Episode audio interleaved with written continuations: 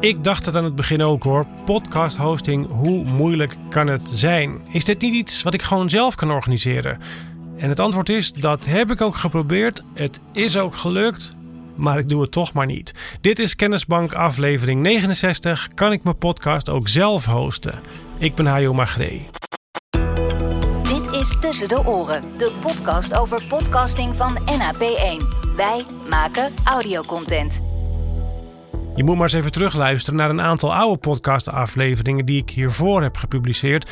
Daarin kun je horen dat je voor een podcast in feite niets anders nodig hebt dan een RSS-feed en een plek om je mediabestanden te hosten. Een RSS-file, een disk space, dat is eigenlijk alles. Dus in technisch opzicht kan het. Hè? Als je een beetje handig bent aangelegd, een beetje nauwkeurig kunt typen, dan kun je prima zelf een RSS-feed schrijven. Om te beginnen zou je er eens een kunnen kopiëren van een bestaande podcast en die dan net zo lang aanpassen tot die klopt met wat jij wil publiceren.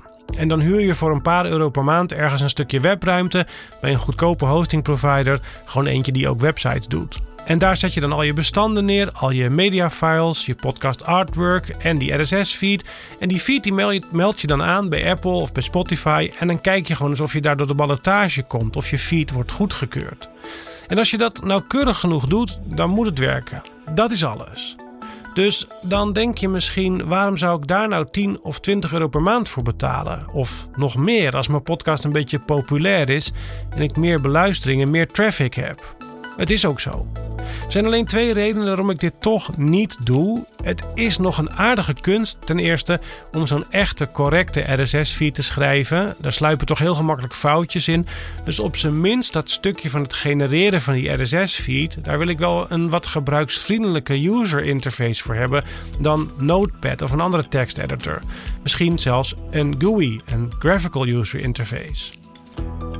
Nou, dan is er iemand die daar een soort van tool voor geschreven heeft. Dan moet je maar eens kijken naar podcastgenerator.net.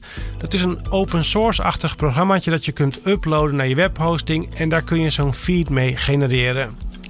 Dat heb ik ook uitgetest en daar kom ik vrij ver mee. Ik kreeg het inderdaad voor elkaar om een podcast die ik zo had gemaakt aan te melden bij Apple.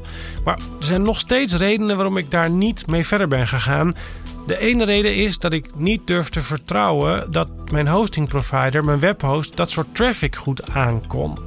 Ik ga er een beetje vanuit dat zo'n RSS-feed weliswaar maar een heel klein bestand is, maar dat dat bestandje wel heel vaak wordt geraadpleegd, omdat al die podcast-apps voortdurend kijken of je er iets aan hebt veranderd, of je een nieuwe aflevering hebt gepubliceerd.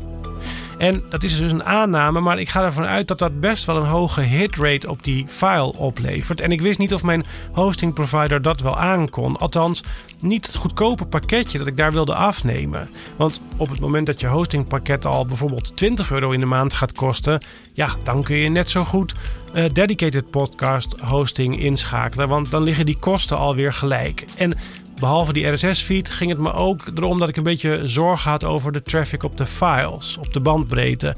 Of dat allemaal goed werd afgespeeld als veel mensen tegelijkertijd zo'n aflevering zouden gaan beluisteren. En de andere reden dat ik niet met die podcast hosting, met die podcast generator ben verder gegaan, is dat ik daarmee geen controle had over de manier waarop de beluisteringen gemeten werden. Met een goede podcast hosting provider is dat IAB certified of IAB version 2 eigenlijk. En dat betekent dat er wordt gemeten op een manier die vergelijkbaar is met de industry standard. En dat is volgens mij niet zo met die podcast generator.